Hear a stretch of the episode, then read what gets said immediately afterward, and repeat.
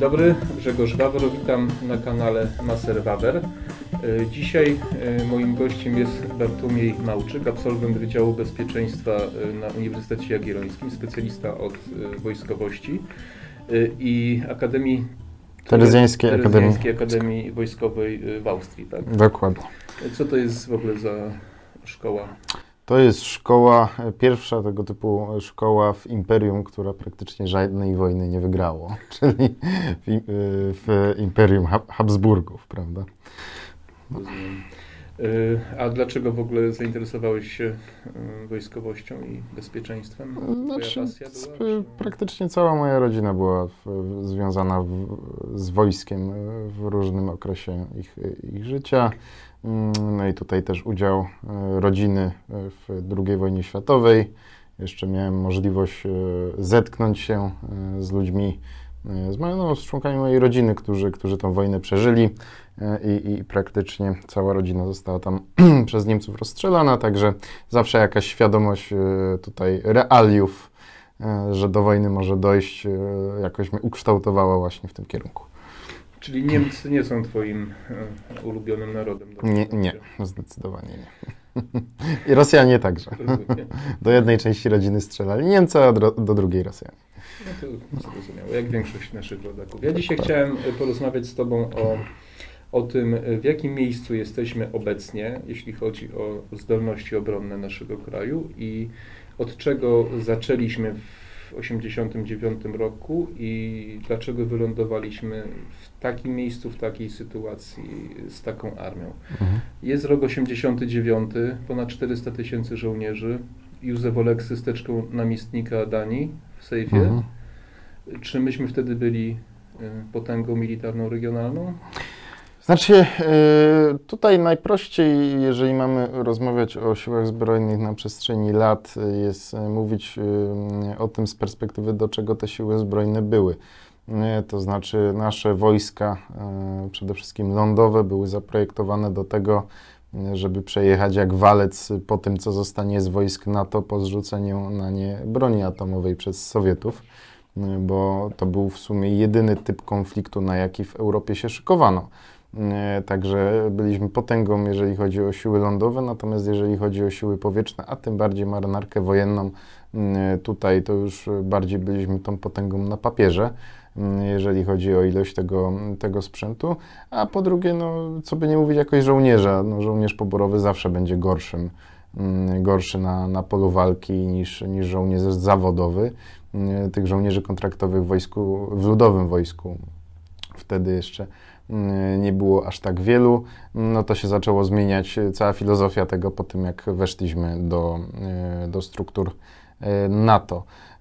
Także no, do tego, do czego te siły zbrojne były zaprojektowane, nadawały się idealnie, natomiast w, w konflikcie konwencjonalnym, mm, na przykład z RFN, prawda, jeżeli mielibyśmy wspierać wtedy NRD, no to już mogłoby to gorzej wyglądać bez pomocy Sowietów, prawda? No bo tak jak mówię, to była e, w głównej mierze potęga na papierze. Natomiast jeżeli chodzi o same siły lądowe, one coś tam znaczyły, prawda? E, No ale to same siły lądowe to za bardzo nic nie zrobią. A mm, co powiesz o naszym przemyśle zbrojeniowym w czasie PRL-u? Bo on jednak wtedy istniał, co by nie powiedzieć. Produkowaliśmy czołgi, produkowaliśmy wiele innych sprzętów, których teraz sami nie produkujemy. Nie mamy takiego zapewnienia. E, Tak, znaczną część naszych zdolności utraciliśmy na przestrzeni e, no, wszystkich rządów ostatnich e, 30 lat. Ym, Wtedy byliśmy zdolni do tego, żeby praktycznie samodzielnie produkować czołgi T-72. E, Mogliśmy później na kanwie zresztą tego przeprowadzono modernizację PT-91. Nasze ośrodki tutaj projektowe dosyć prężnie działały. Mieliśmy własne, dosyć lekkie konstrukcje, własne śmigłowce mm, i tak dalej, i tak dalej. Jednak ten przemysł jakoś y, stał. Y, Co więcej, y, ilościowo tego sprzętu było dużo więcej niż, niż jest dzisiaj. Bo na, nawet do przedwojny to nasze siły pancerne w głównej mierze się składały z, z broni, którą wtedy wyprodukowano. To dużo pokazuje. E, No, natomiast cały ten przemysł został zwinięty, został zwinięty do tego stopnia, m, że nawet y, nie bylibyśmy w stanie świadczyć usług produkcyjnych dla własnej armii, jeżeli chodzi o, o silniki czołgowe, prawda? Bo u nas był jeden z chyba z trzech albo czterech, jedna z trzech albo czterech fabryk silników czołgowych do czołgów T-72. Fabryka się znajdowała na Woli. I z tego, co się orientuję, to ona dalej tam jest, a raczej to, co z niej zostało, prawda? Mm, zostało to na przestrzeni rządów tam, PiSu i Platformy sprzedane deweloperowi. I no, tak jak mówiłem, tych fabryk było trzy albo cztery. Jedna była w, kraju, w którymś z krajów byłej Jugosławii, to została zniszczona przez wojska natowskie. Druga to była dalej działająca zresztą fabryka w Federacji Rosyjskiej. A, czwartej albo nie ma, albo nie pamiętam. w każdym razie mieliśmy taką unikalną zdolność, jeżeli, jeżeli na to patrzeć, no bo jakby silniki się zużywają, a tego sprzętu poradzieckiego na całym świecie jest mnóstwo. Także nawet nie jeżeli chodzi o produkcję na nasz własny rynek, bo produkcja tutaj do czołgów poradzieckich u nas już się mija z celem. Natomiast takie zakłady w normalnej sytuacji mogłyby zarabiać na siebie i to wydaje mi się w dosyć znaczny, znacznych kwotach. Bo ja próbuję sobie przypomnieć, czy armia jakaś, duża armia, która wygrała wojnę.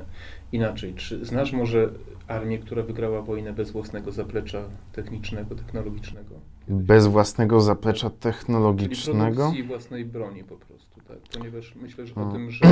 No dużo... kraje trzeciego świata w głównej mierze. E, tylko, że te kraje są zaopatrywane przez aktorów zewnętrznych, prawda? E, jakby, no już jak ktoś jest przywódcą, to często gęsto jest na tyle ogarnięty, żeby wiedzieć, kiedy wojnę może toczyć albo nie. E, no i nawet większe konflikty konwencjonalne, tak jak konflikt, e, wojna iracko-irańska, pokazały, że ten sprzęt jednak, nawet mając zdolność własnej produkcji, no, sprzęt trzeba, e, trzeba kupować. Zresztą no, świat się skomplikował w, znacznej mierze i taki lotniskowiec jest e, dużo bardziej złożony niż cała flota amerykańska w 1945 roku, prawda? Tylko, że my jakby wiele z tych umiejętności yy, utraciliśmy już bezpowrotnie. E, więc jedynym w sumie takim, co się ostało i co, co ewoluowało po wielu latach zaniedbania, to była huta Stalowa Wola, znaczy jest. E, jeszcze przez jakiś czas przynajmniej jest, e, czyli ta, która produkuje e, raki, kraby i tak dalej, i tak dalej. No, kraby zostały zaorane i tutaj też pytanie, no, dlaczego nie rozbudowano tej huty na tyle, żeby mogła mm, spełnić nasze wymagania. No tutaj można się dopatrywać, wydaje mi się, że raczej tylko złej woli, tylko najgorsze jest to, że ta zła wola jest nieważna od tego, kto zarządza. No właśnie, bo tu chciałbym o latach 90. trochę porozmawiać, bo ja akurat jestem w tej przewadze, że ja pamiętam te lata dość dobrze mhm. i pamiętam również protesty bardzo często pracowników, robotników zakładów zbrojeniowych, które były zamykane y, regularnie jeden, jeden po drugim.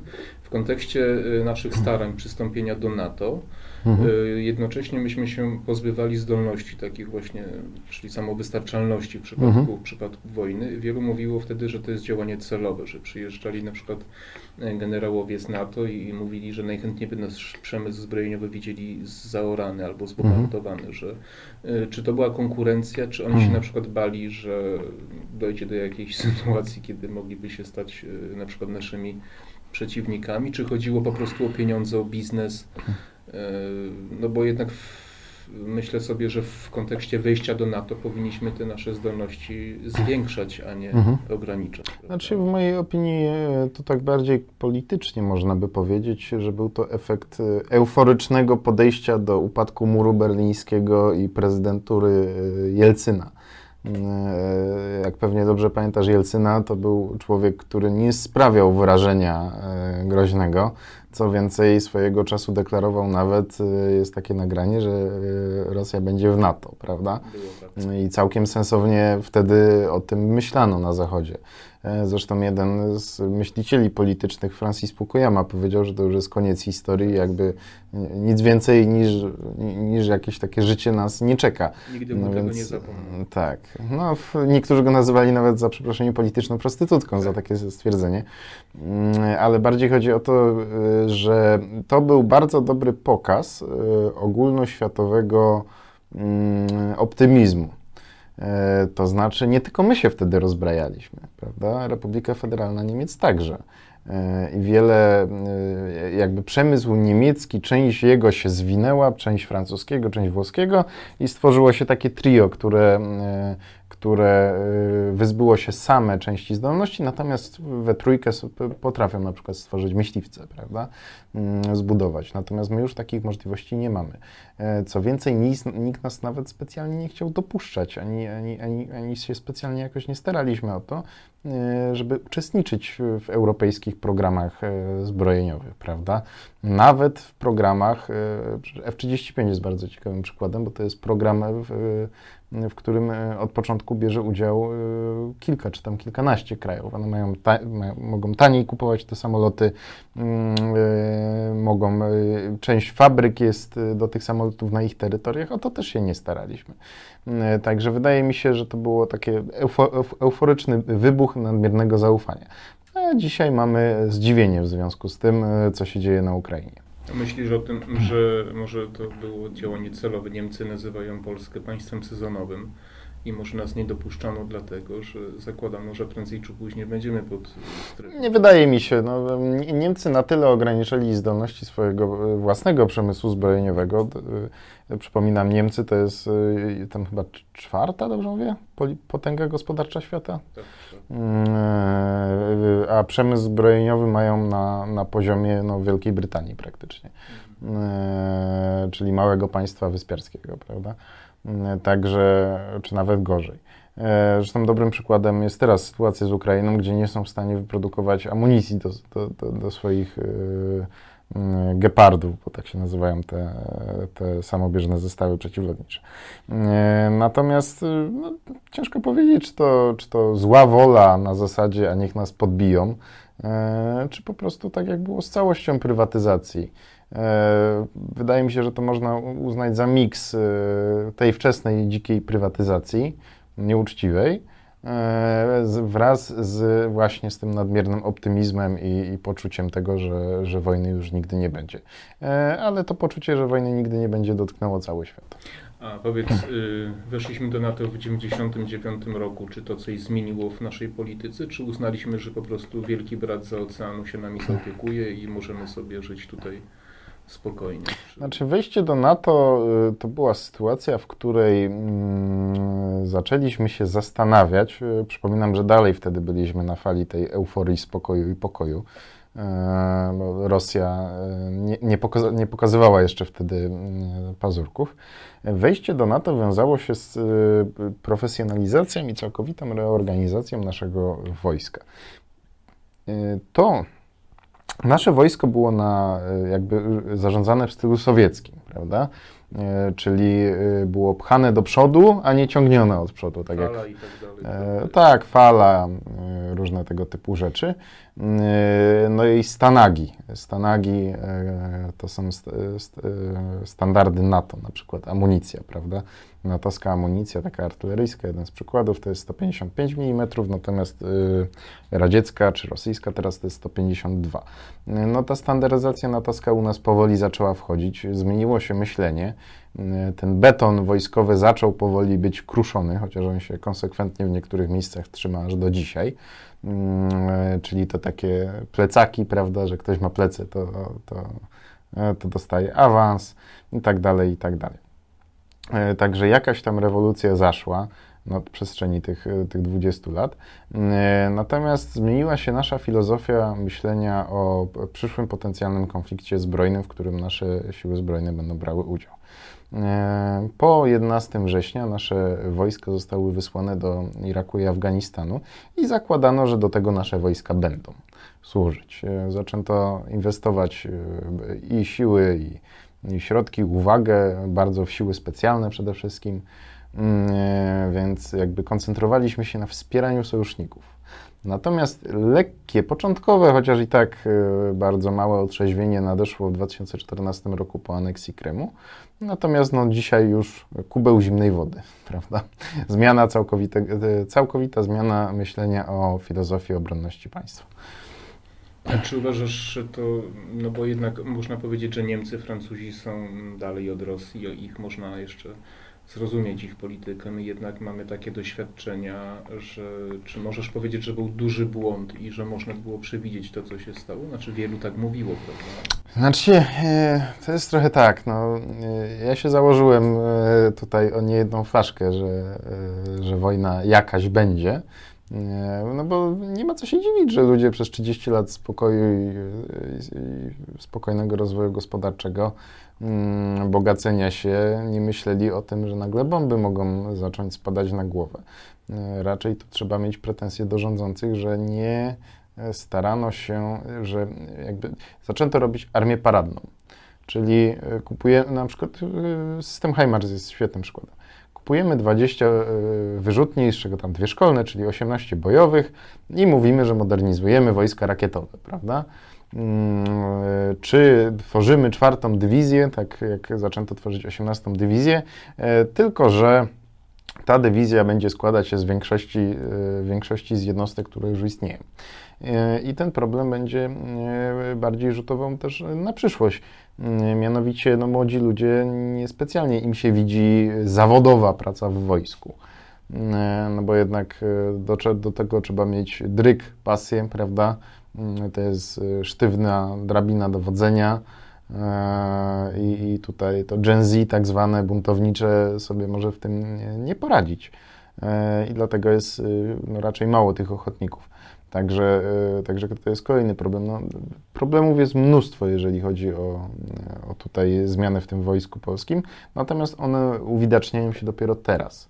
Mm, uwidacznia się to, że podstawowy sprzęt dzisiejszych wojsk zmechanizowanych, czyli bojowe wozy piechoty, u nas to są wozy z lat 60. Y, to jest pierwsza rzecz. A druga rzecz jest taka, i to bardzo dobrze pokazująca, że mm, jakby rodzimy przemysł, E, tutaj dobrym przykładem jest AHS Krab. Wiesz, w którym roku była, e, był prototyp e, armatochaubicy samobieżnej Krab? 90 chyba któryś. Wtedy zatwierdzono, żeby to budować. Pierwszy jezdny prototyp, z tego co się orientuję, to był w 2003 roku. I do 2014 roku to się ciągnęło, aż minister Siemoniak w końcu walnął pięścią w stół po 11 latach i powiedział, dobra, nie jesteśmy w stanie wyprodukować podwozia, E, samego podwozia, no to kupimy od, e, od Koreańczyków e, właśnie z tych K9. Zresztą to jest podwozie, które będziemy mm, kupować. Tam wie, wieża akurat jest, to jest brytyjski Braveheart. W każdym razie, no to jest chyba najlepszy przykład. A, i, i zbudowaliśmy od 2014 roku, jak zaczęto przy tym grzebać na porządnie, 80 sztuk tych armatohabic samobieżnych. Także no to jest wynik śmieszny, nawet jak na czasy pokoju. Oczywiście. A powiedz, w 2008 chyba zniesiono już całkowicie pobór, tak? Rozumiem, mhm. że to jest pytanie retoryczne będzie. Uważasz, że to była dobra decyzja? Tak, jak najbardziej. Jak najbardziej. Y, jeżeli chodzi o y, pobór, czyli tą Zetę, y, czy to będzie trwało 2 lata, czy, czy rok, czy 9 miesięcy, mm, dzisiejsze systemy uzbrojenia to nie jest prosty kałach, czy tam prosty czołg z kierownicą. To jest e, bardzo skomputeryzowane pole walki dzisiaj systemy zarządzania polą walką i tak dalej, i tak dalej. Więc jakby no, szkolilibyśmy mięso armatnie, tylko po co je szkolić, prawda? Jak, jakby doszło do konfliktu, to no, Ukraińcy pokazują, co, co, co oni robią. E, wojsko powinno być mniejsze, ale bardzo mocno nasycone e, środkami walki e, i to sprzętem ciężkim. E, więc jakby to się trochę rekompensuje, bo e, bardzo duże pieniądze musiałbyś wydać na to, żeby wyszkolić e, rocznie tam kilkanaście tysięcy czy kilkadziesiąt tysięcy ludzi. Lepiej te pieniądze zainwestować w jakieś kolejne zestawy rakietowe, prawda? A Wojska Obrony Terytorialnej uważa, że, bo różne są zdania, mhm. znam zwolenników i przeciwników, uważa, że to jest dobry pomysł. Znaczy, chodzi mi o ludzi, którzy chcą coś robić, mają takie patriotyczne jakieś poczucie, chcą działać. Czy mhm. to jest dobry, dobra przestrzeń do zagospodarowania takich ludzi? Tak, jak najbardziej, tylko y, muszą one iść y, zgodnie z przeznaczeniem. W momencie, kiedy zaczęto tworzyć Wojska Obrony Terytorialnej, to jednak politykierstwo dało sobie, o sobie znać i Wojska Obrony Terytorialnej zaczęto traktować lepiej niż wojska operacyjne, co jest śmieszne. Ehm, ale to jest problem, który nie występuje tylko w Polsce. Otóż na Ukrainie e, te bataliony obrony terytorialnej e, na zachodniej Ukrainie rozkradają sprzęt, zanim ten sprzęt dojedzie na, na, na wschodnią Ukrainę. I, I te biedne chłopaki w Donbasie e, używają jakichś tam karabinów maszynowych Diegetariowa, prawda, z, z II wojny światowej. Niektórzy sami sobie kupują nawet. Tak, tak, tak. A, e, a tutaj chłopaki na zachodniej Ukrainie wyglądają jak specnaz jakiś, no bo, bo tam ludzie im paczek nawysyłali, no to se wzięli, no co mieli robić, prawda? I te, trochę podobnie z, to zaczęło wyglądać u nas. No, mm, przyszli oficerowie w, we Wrocławiu na, e, z mechu, e, szkolili się jeszcze parę lat temu, być może tak jest do dzisiaj, mam informację sprzed tam z 2017 roku, mój kolega E, jeszcze biegał w, w hełmie tym stalowym, prawda? Co to e, więcej może krzywdy żołnierzowi zrobić, niż go ochronić. W, tak, w czasie walki. Natomiast no, woty już by zaczęły biegać wtedy w kewlarowych, pięknych hełmach nowych. E, tak samo jest z przydziałem MSBS Grot, prawda? Karabinka modułowego szturmowego, że te MSBS-y jako pierwsze zaczęto dostarczać do Wojsk Obrony Terytorialnej. Ja nie pamiętam, czy to było 5-7 lat temu, ale była taka afera, że wysłano ileś tam tysięcy tych starych hełmów do modernizacji. To, tak, tak, tak, tak, tak, żeby je pomalować i, i tak dalej. I tak dalej. No, to świetny przykład na naszych sił zbrojnych sprzed paru lat. E, a powiedz mi, bo w niektórych krajach e, jest jakby takie obowiązkowe przeszkolenie wojskowe, tak? Że każdy mężczyzna tam w wieku, jeżeli jest zdrowy, odpowiedni, to chyba nie wiem, czy w Izraelu jest chyba obowiązkowa służba wojskowa, ale są kraje, w których no, każdy musi przejść jakieś tam przeszkolenie wojskowe, żeby na wypadek wojny tam umieć się jakoś tam zachować i tak dalej. No to mówisz o Zecie. No możliwe, tak. Tak, to jest Zeta. Nie, nie ma żadnego innego systemu. W niektórych krajach y, próbuje się to zastąpić y, większym naciskiem na tak zwane przysposobienie obronne. Mm, natomiast jeżeli chodzi o państwa typu Izrael czy Austria zresztą, y, no to tam no to jest po prostu zeta. Tylko tak jak mówię, to w, mija się w celem, z celem w przypadku takiego kraju, jakim my jesteśmy. W Izraelu to jest trochę inna sytuacja, bo oni zagrożenie tam mają e, obok siebie praktycznie. No stop są jakieś ataki terrorystyczne, mm, e, mają, prawda, Hamas e, i inne tego typu organizacje, Fatah. Natomiast Austria jest krajem, tak jak Szwajcaria, neutralnym. E, proszę zwrócić uwagę, że w Szwajcarii też jest coś na kształt e, Zety, mm, e, mimo że to jest jedno z najbogatszych państw świata. Po prostu bycie neutralnym jest bardzo drogie i no, niebezpieczne. No.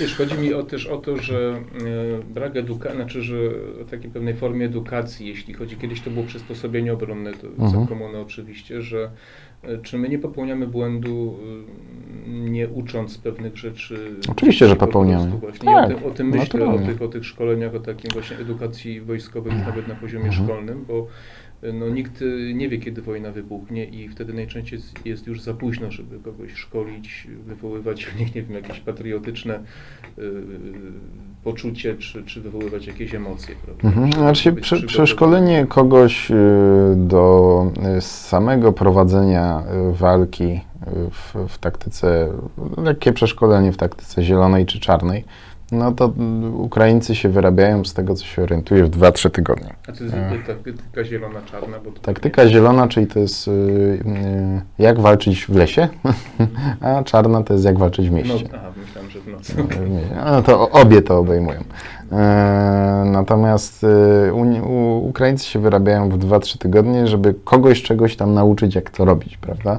E, tylko, że przysposobienie obronne mogłoby, e, nie, nie powinno być na zasadzie jakiegoś tam skoszarowania czy czegoś w ten deseń, bo dzieciaki to zapomną, prawda, szy, szy, szyków marszowych i tak dalej, jak robić jakieś e, pułapki, jak tam napalm zrobić, no zapomną o tym, no bo e, pamiętasz budowę pantofelka? Oczywiście, że pamiętam, akurat ja jestem medyczkiem. Aha, okej, okej. Ale No. na przykład... Ale jakichś wzorów matematycznych różnych możesz nie pamiętać, bo to jest naturalne, że się zapomina, jak, jak y, czegoś się nie używa, bo ma się to gdzieś. Ja wiem, ale Amerykanie na przykład, prawda, bo Stany Zjednoczone oczywiście, oni na przykład potrafili y, wywołać w społeczeństwie pewien taki etos flagi państwowej, prawda, Mhm. patriotyzmu i tak dalej, to na pewno im pomaga przy y, Tak, ale- i mhm. tak dalej, prawda. To jest pewna kwestia. Y, y, Wydaje mi się, że można tym trochę obciążać y, auto soft power, tak to nazwijmy. Soft power, czyli jakby umiejętność i siła przekonywania kulturowego innych państw. Natomiast Amerykanie, mi się, wydaje mi się, że robią to u siebie.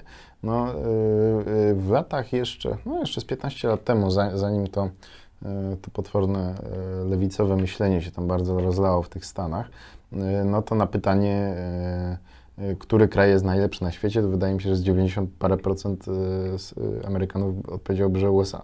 E, Więc to było fajne, prawda? Do dzisiaj są te, można sobie zobaczyć na YouTubie e, reklamy, jak żołnierze tam wracają z Iraku czy Afganistanu, ludzie wstają i im biją brawo. Natomiast w Polsce doszło do takiej, e, tak, tak znaczy ciężko, nie, nie wiem nawet jak to nazwać. Otóż pewien gościu, żołnierz były, musiał zajmować się e, wyłapywaniem ludzi, którzy wdowom po naszych poległych żołnierzach w Afganistanie na przykład potrafili opony poprzebijać. Albo, albo szyby w domach, prawda? Bo pojechał najemnik mordować tam irackie czy afgańskie Ale dzieci. Skąd się to bierze twoim zdaniem? Mm, Wydaje mi się, że Polacy, znaczy być może mamy to trochę tak kulturowo, ale nikt, nikt, nikt z tym nic nie zrobił. To znaczy, że y, Polacy to dopiero potrafią się zjednoczyć w obliczu jakiejś wielkiej tragedii, natomiast na co dzień to wielokrotnie y, wstydzą się przyznać, że są Polakami, prawda? Czy część społeczeństwa? Część. Ja nie, absolutnie nie mówię, że wszyscy, ale da się to zaobserwować, prawda? No, Ja sam mieszkałem w Londynie, to, to ewidentnie Polacy nie mówili do mnie po polsku, tylko po angielsku. E, Także dosyć śmieszna sprawa.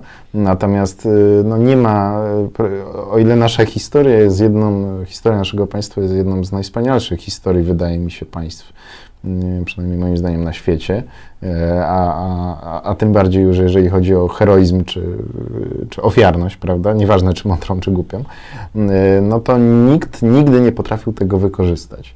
I y, bardzo prosty przykład, Amerykanie jak pokazują e, swoich żołnierzy w Iraku czy w Afganistanie, można sobie zobaczyć pierwszy lepszy film, to są normalne, zdrowe chłopy, które tam tuką terrorystów, prawda?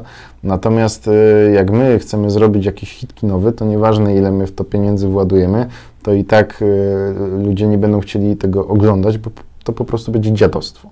Także na to się wiele rzeczy składa. Od edukacji przez kulturę, aż, aż na to, na co my wydajemy film, y, pieniądze na jakie filmy jako państwo, prawda? Bo przypominam, że to państwo y, płaci za robienie filmów, Państwowy Instytut Sztuki Film- Filmowej. Może chodzi też o to, że to nie był przypadek, jak trochę historycznie, że nasi mm, tak zwani przyjaciele z zachodu i ze wschodu po prostu wymordowali nasze elity i ludzi, którzy jeszcze potrafili ten etos jakoś ciągnąć. Może prawda? to być tego pokłosie, prawda? Tylko no umówmy się, no, od II wojny światowej już minęło kupa czasu i co, nowe elity się nie potrafiły wykształcić? No, ale może nie miał kto przekazać tych wartości. Czy wartości trzeba tak przekazywać? No one się jakoś auto... No u, am, u Amerykanom wartości na pewno nie przekazali Indianie. No tak, ale mieliśmy 50 lat jednak PRL, które troszeczkę nam Eee, także- mózgi wyprał. Tak, tylko że z drugiej strony za poprzedniej okupacji, czyli przez 123 lata niewoli, no to naród się jeszcze wzmocnił, Tak. prawda? Tutaj za PRL-u wydaje mi się, że w dużej mierze też.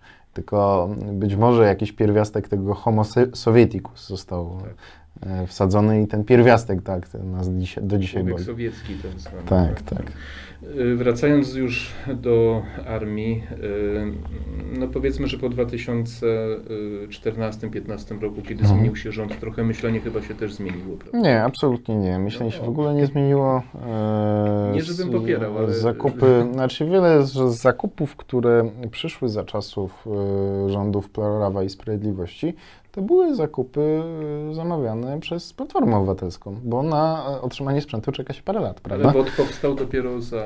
Tak, ale to akurat ma małe znaczenie, bo WOD jest kwestią naprawdę skrajnie nisko, niskokosztową, jeżeli popatrzymy na jego budżet. E, To jest tam około miliarda złotych.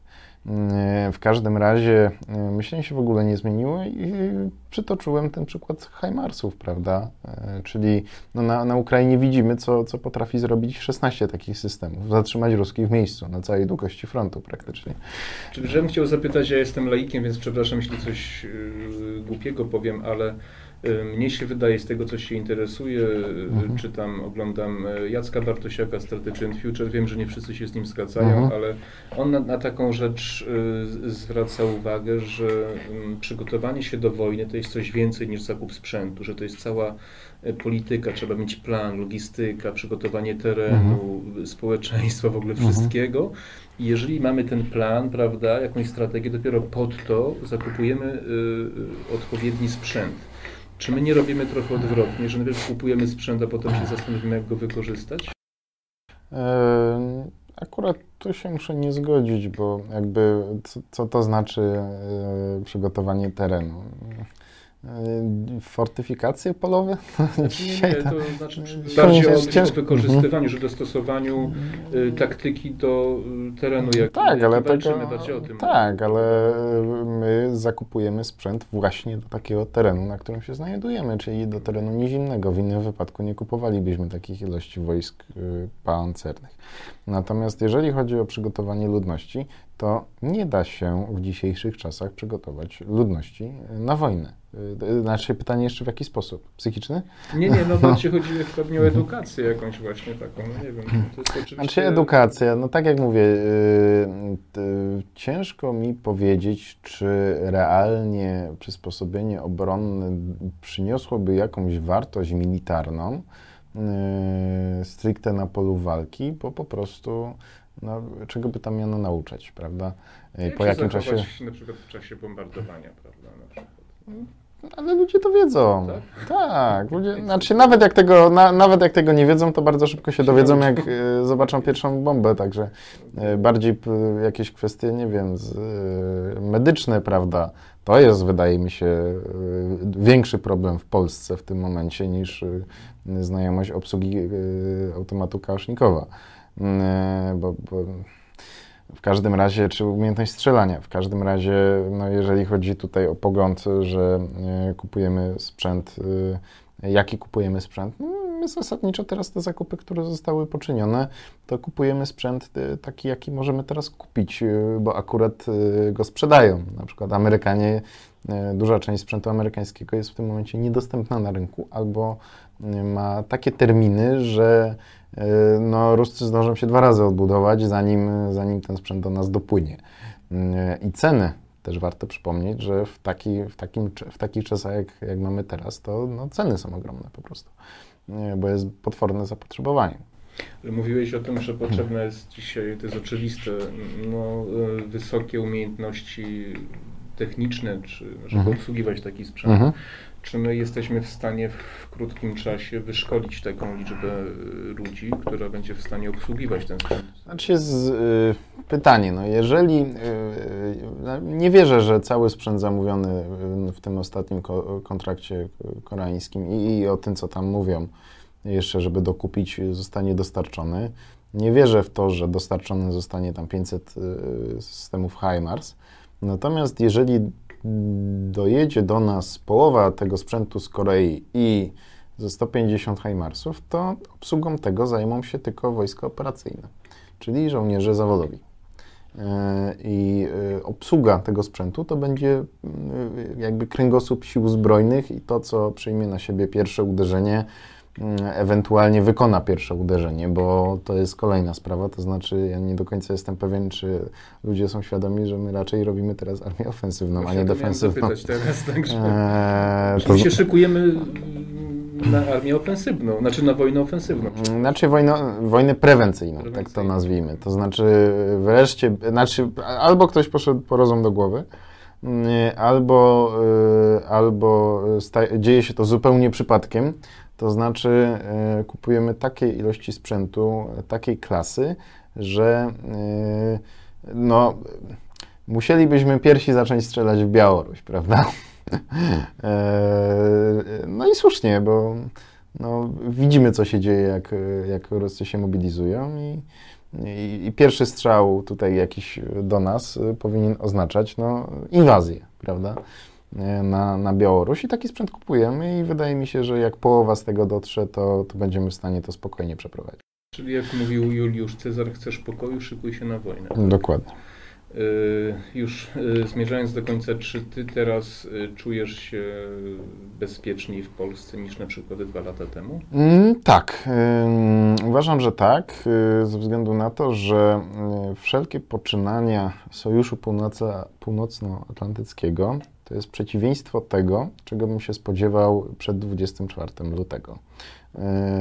O ile konflikt zbrojny miał tutaj spowodować e, większy rozkład NATO, e, o tyle NATO zbiło się w wcześniejszy blok, ale nie całe. To znaczy, wojska, przepraszam, Niemcy i, i, Francja zostają gdzieś tam na uboczu jednak i robią się takimi pariasami. Przede wszystkim Niemcy, no bo jakby, jakby Ruscy mieli dojść do Niemiec, to musieli być, przejść przez nas, prawda? A, a Niemcy na przykład odmówiły nam udziału w projekcie czołgu przyszłości europejskim. Także jest wiele takich symptomów, które pokazuje, że no, jednak e, historia powinna nas bardzo dobrze nauczyć, no kogo mamy prawda, za Odrą.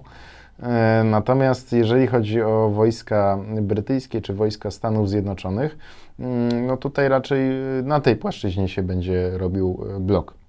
Co więcej, e, widać, że będzie się robił, robiło coś w postaci bloku e, Międzymorza, prawda? E, jeżeli chodzi o państwa bałtyckie i Finlandię czy, czy Szwecję. No właśnie mnie znowu uprzedziłeś, ponieważ chciałem o to zapytać, czy nie powinniśmy zawierać sojuszy z państwami, w których interesie jest osłabienie Rosji, prawda? W interesie Oczywiście, Niemiec czy Francji nie jest osłabienie Rosji, natomiast w interesie Szwecji, państw bałtyckich, mhm. Węgier, prawda, Ukrainy, y, Finlandii mhm. jest osłabienie Rosji. No, Węgier to tak, jak widać, nie, może nie do końca.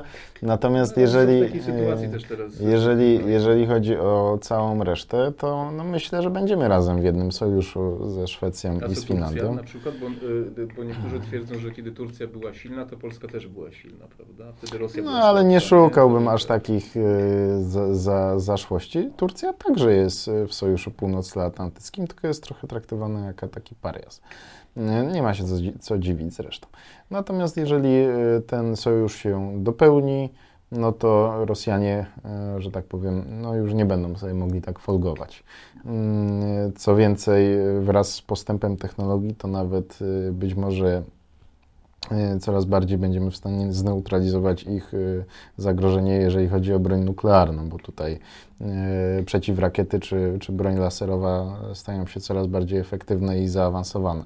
Także nie będziemy już przedmiotem szantażu. Być może. A jak, jak oceniasz ryzyko użycia strategicznej broni atomowej?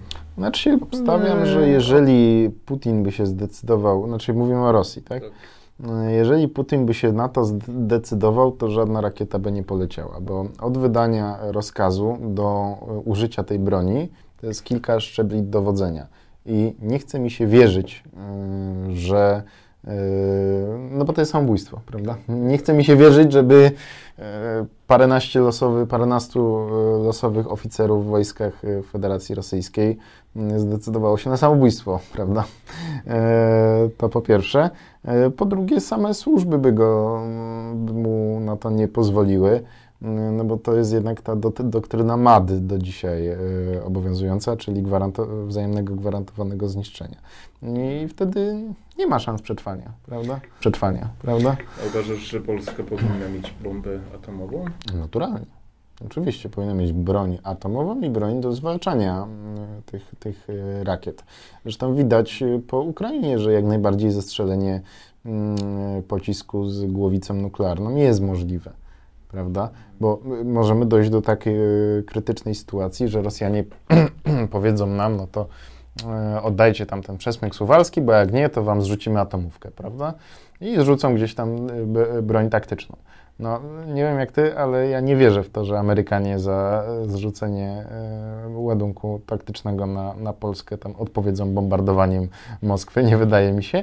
Natomiast my albo byśmy mogli się przed tym ustrzec i Ukraińcy pokazują, że da się zestrzelić takie rakiety i to w całkiem dużej ilo- il- ilości, bo ukraińska obrona przeciwlotnicza, która jest no, zalążkiem tego, co my będziemy mieli, jak to wszystkie zamówione sprzęty do nas przyjadą, y, jest, była w stanie zestrzelić prawie 20% tych rakiet. Jeszcze ja nie mam wątpliwości, co by zrobiły Stany Zjednoczone, bo pamiętam dlaczego chyba pułkownik Kupliński, tak, uciekł Mhm. z Polski, prawda? To miało być y, miejsce bitwy między, atomowej między wschodem a zachodem. No, wtedy, wte, wtedy się nie zgodzę, bo wtedy to NRD miały być miejscem bitwy przede wszystkim. O, a to widzisz, no to ja tak pamiętam. Wtedy. Natomiast w Polsce, e, tak w Polsce, w tak. Polsce problem polegał na tym, że e, wszystko wskazuje na to, że na naszym terytorium były po prostu silosy z bronią nuklearną e, i, no i mieliśmy też bazy wojsk radzieckich. Także raczej no, nie mielibyśmy być zrównani z ziemią, tylko część naszego kraju miała Z tego być. co wiem, tam miało być dużo miejsc takich ataków Mhm. E, odwetowego. Po, powtarzam za profesorem Cęckiewiczem, Mhm. więc niech on się tłumaczy. No, okej. E, Także no nic, myślałem, że się trochę więcej z Tobą pospieram, ale w wielu sprawach mamy e, podobne poglądy. Ja cały, cały czas uważam, że mamy niepowtarzalną historyczną okazję, żeby Niemcy najechać ciągle jeszcze, ale nikt się ze mną nie chce zgodzić. No to tu, tutaj bym się raczej nie zgodził. Oczywiście. mówię- Dzisiaj, dzisiaj jednak e, o, o, nawet okupacja kraju jest średnio możliwa w dobie internetu. Nie, oczywiście żartuję, ale myślę o tym, że my ciągle mamy chyba silniejszą armię niż sam kiedyś o tym mówiłeś, jeszcze chyba trochę silniejszą armię niż w tym Mm, momencie. tak, na, y, na wielu płaszczyznach tak. No nic, e, myślę, że zarysowaliśmy e, temat. Można by pewnie jeszcze godzinę i więcej rozmawiać. Może jeszcze Mhm. uda się kiedyś omówić i bardziej pre precyzyjnie, szczegółowo porozmawiamy sobie na, na pewne tematy, jeśli się zgodzisz. Dziękuję Ci za rozmowę, e, za Dziękuję. wyczerpujące odpowiedzi na trudne pytania i proszę o subskrypcję, o lajki, o komentarze. E, Myślę, że Bartek też odpowie, jakby ktoś tam zadał jakieś Jak konkretne pytanie. Także zapraszam na kolejne odcinki. Wszystkiego dobrego. Do zobaczenia. Cześć. Dziękuję.